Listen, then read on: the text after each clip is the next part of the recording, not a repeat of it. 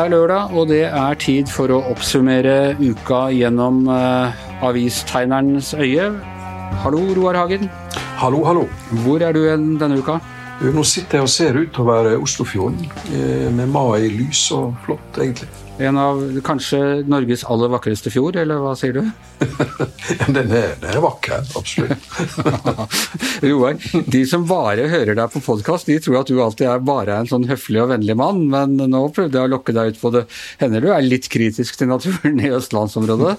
Du syns ikke den er like fin som eh, på Sunnmøre eller i Lofoten, eller eh? Nei, det kan du si. Men det, det, er selvfølgelig litt, eh, litt i meste laget med, med granskog for, for mitt vedkommende. men men det er en veldig fin by eh, i mai, altså. Det er grønt her. og Sitter og ser bort på Asker og landet, og det er grønt i lia der. og Det er jo veldig fint. da. Ja. Nei, jeg er veldig rørt over at du viser en sånn, en sånn plutselig velvilje, velvilje, til den østlandske natur eh, på vegne av oss som er Det er jo ikke akkurat Ullensvang, da. Vi må jo si det, men, men, men fint da. Ja, ja, da. ja, da. Det er ryddig og pent eh, landskap. Det kan jeg si som er født og oppvokst der. Og jeg setter pris på, på på velviljen.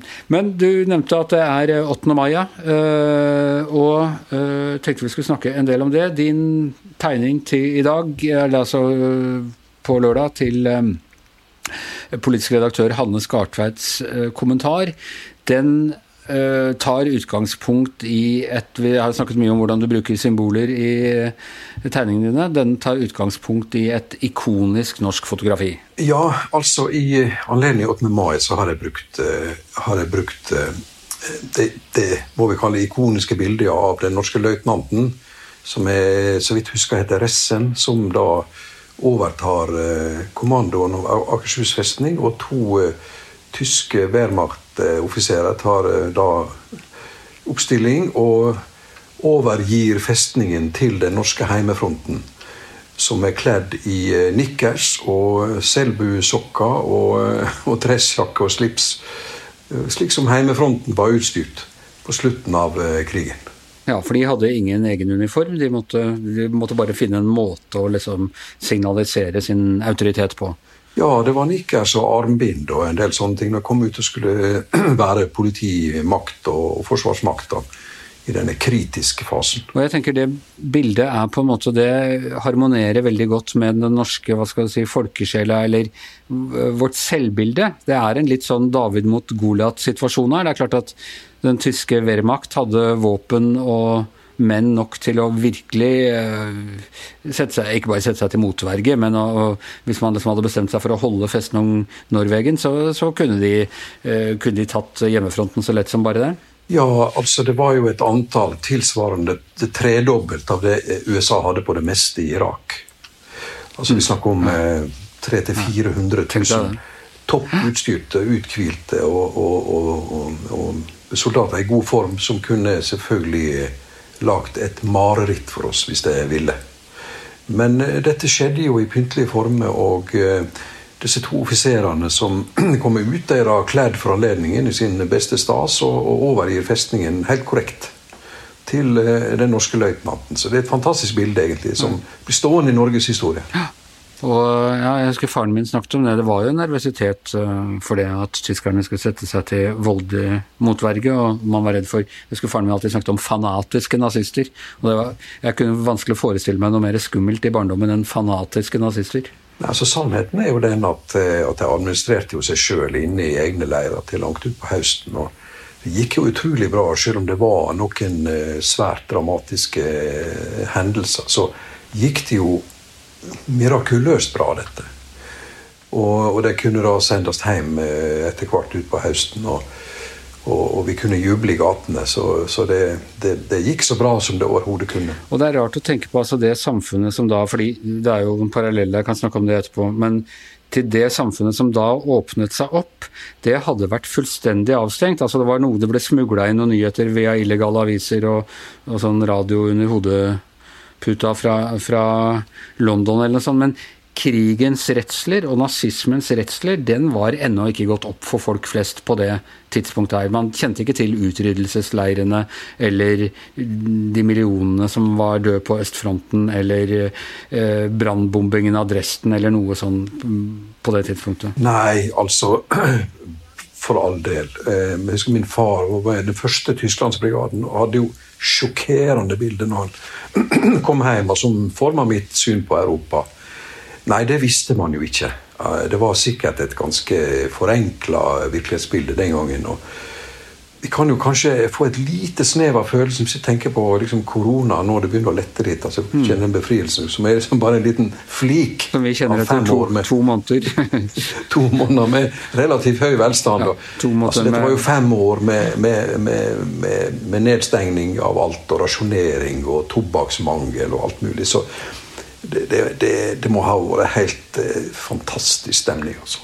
Men jeg lurer litt på, Roar, tror du altså noe av den følelsen altså Jeg opplever at folk i år har vært litt mer Det er jo et jubileum, selvfølgelig. Eh, eh, 75 år siden, eh, siden, frigjøringen. Men er det, altså, er det litt mer forståelse fordi vi liksom har vært gjennom en mye mer prekær situasjon eh, de siste to månedene enn eh, det vi vanligvis er, når, når 8. mai bare er liksom nok en flaggdag i mai? Altså, En, en tilårskommen slektning sa det slik når, det, når, folk begynner å hamstre toalettpapir og slike ting, at oi, dette minner meg om krigen.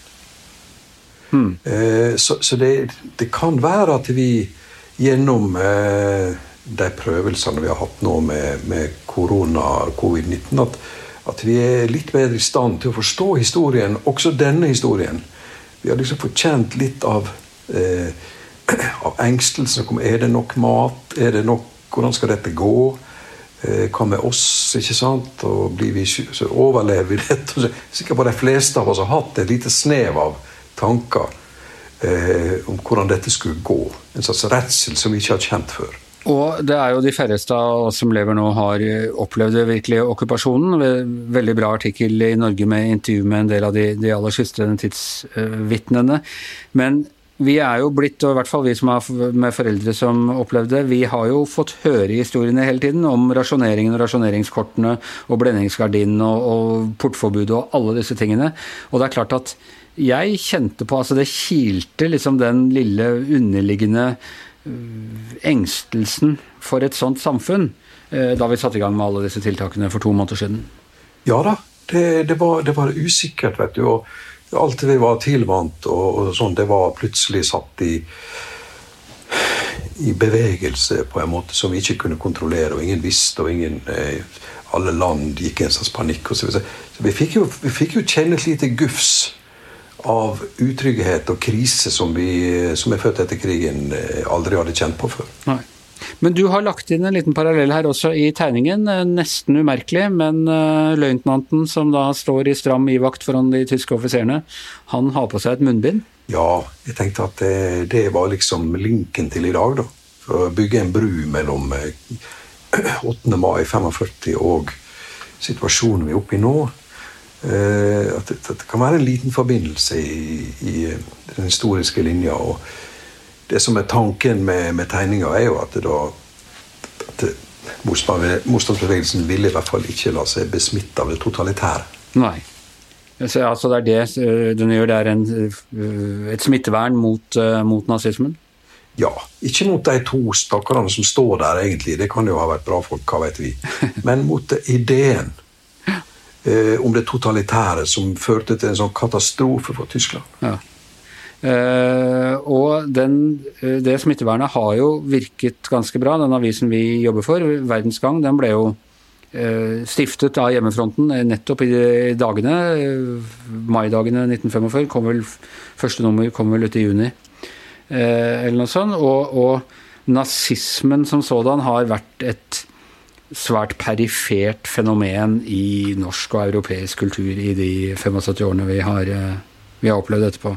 Ja, med visse unntak så har det jo virkelig det. og Det er jo ikke noe aksept for det i dag heller. Selv om du finner utgrupper på nettet, og alt dette her, så er det jo en alminnelig oppfatning at vi vil ikke dit igjen. Og likevel, altså, jeg, jeg, jeg, var og hørte den rettssaken mot han Philip Manshaus i går, og kan si mye om han, men han sitter jo der og da gjentar eh, hele det nazistiske evangelium. ikke sant? At jødene har kontroll over mediene og eh, verdensregjering og eh, blod og rase og folk og, og bla, bla, bla. Og det slo meg jo at nå når tidsvitnene er i ferd med å dø helt bort, vil da faren for at det kommer tilbake, øke, tror du? Ja, faren vil jo øke i den forstand at eh, vaksinen er liksom begynt å bli litt utdatert. Hvis du skjønner. i og med at det, Nå var jo, nå var jo kong Harald den siste ja, ja. tidsvitne på Akershus eh, på 8. mai. og det er sterkt at kongen er, kongen er, en av de siste som husker hva ja, som skjedde. Og da påhviler det jo oss eh, som er født etter krigen, da, å holde oppe denne fortellinga.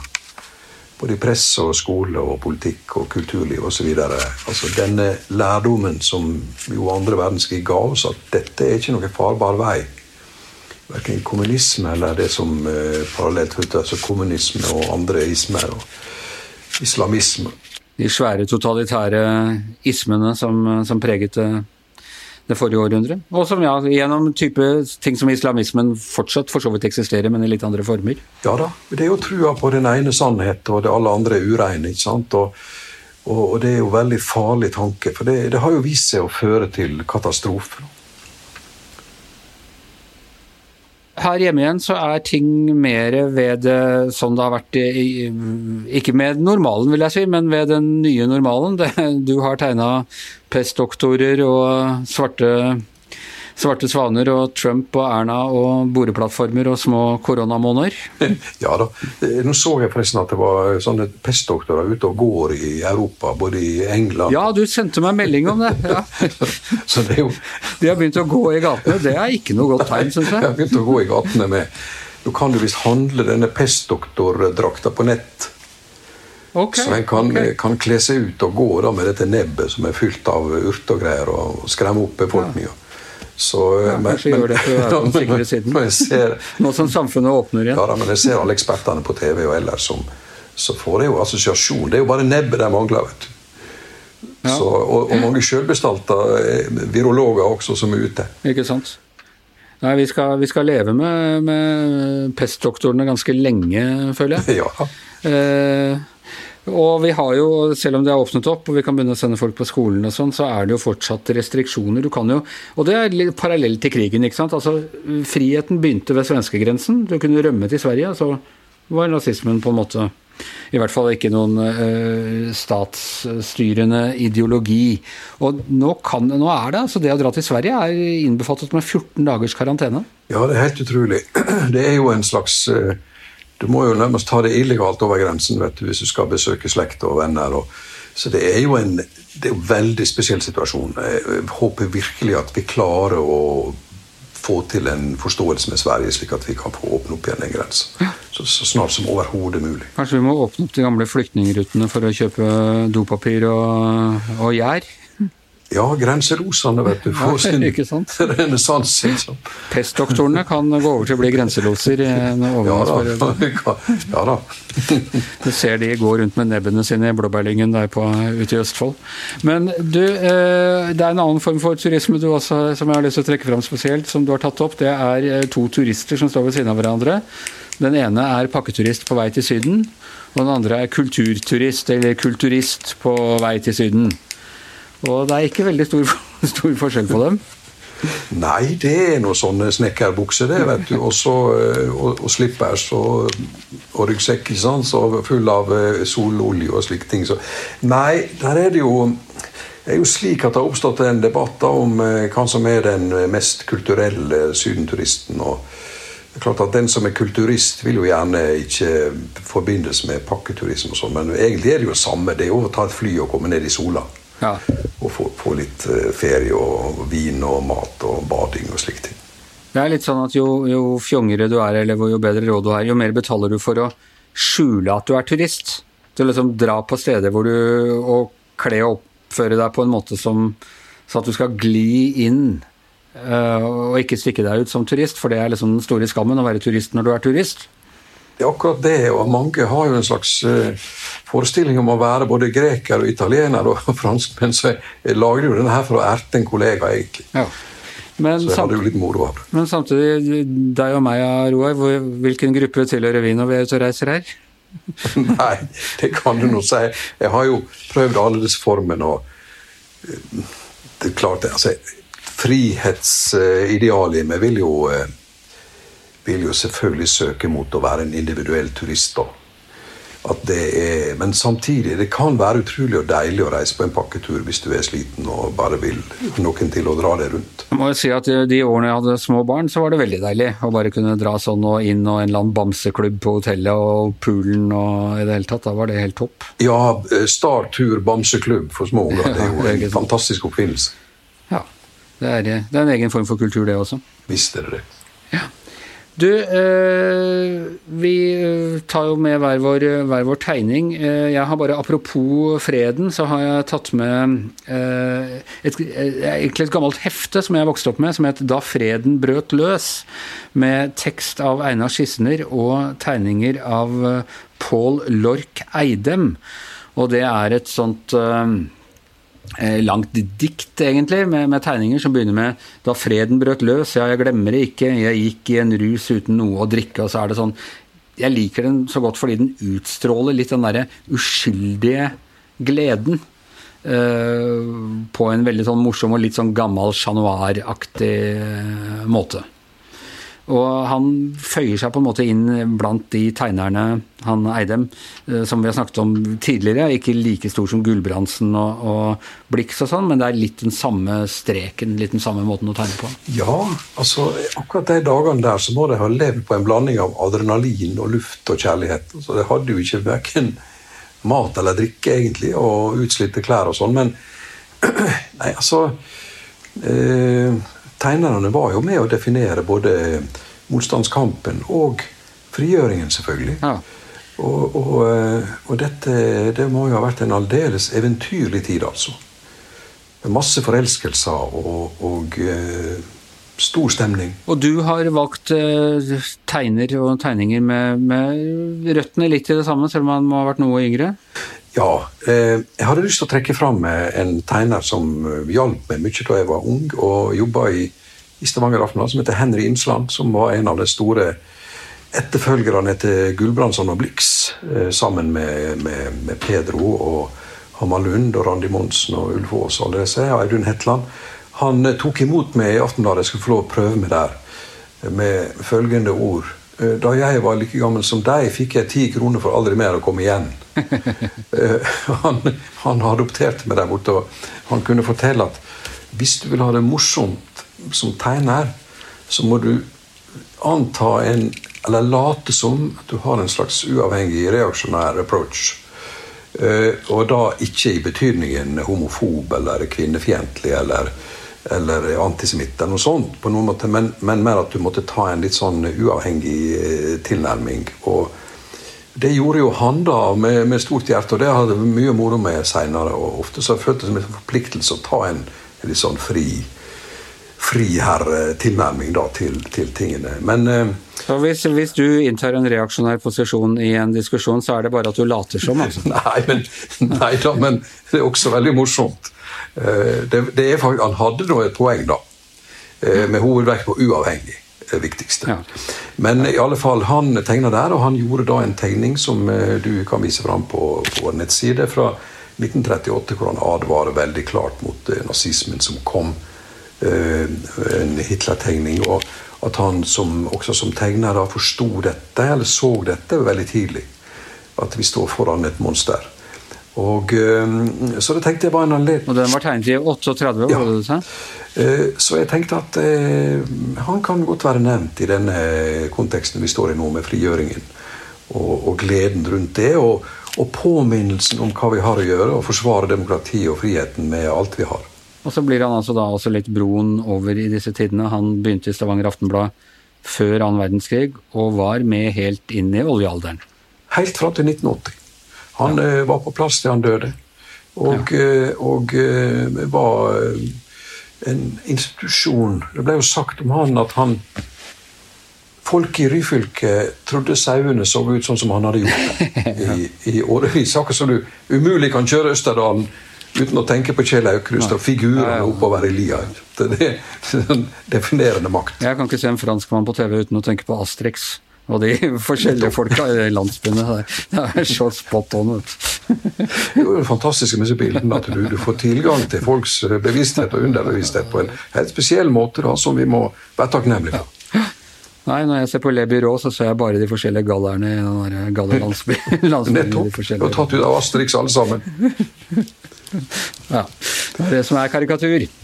Ok, eh, med de muntre ord så tror jeg vi sier eh, takk for nå. I morgen så kommer eh, Tone Sofie Aglen og politisk redaktør Hanne Skartveit for å oppsummere uka som gikk, og se litt inn i uka som kommer.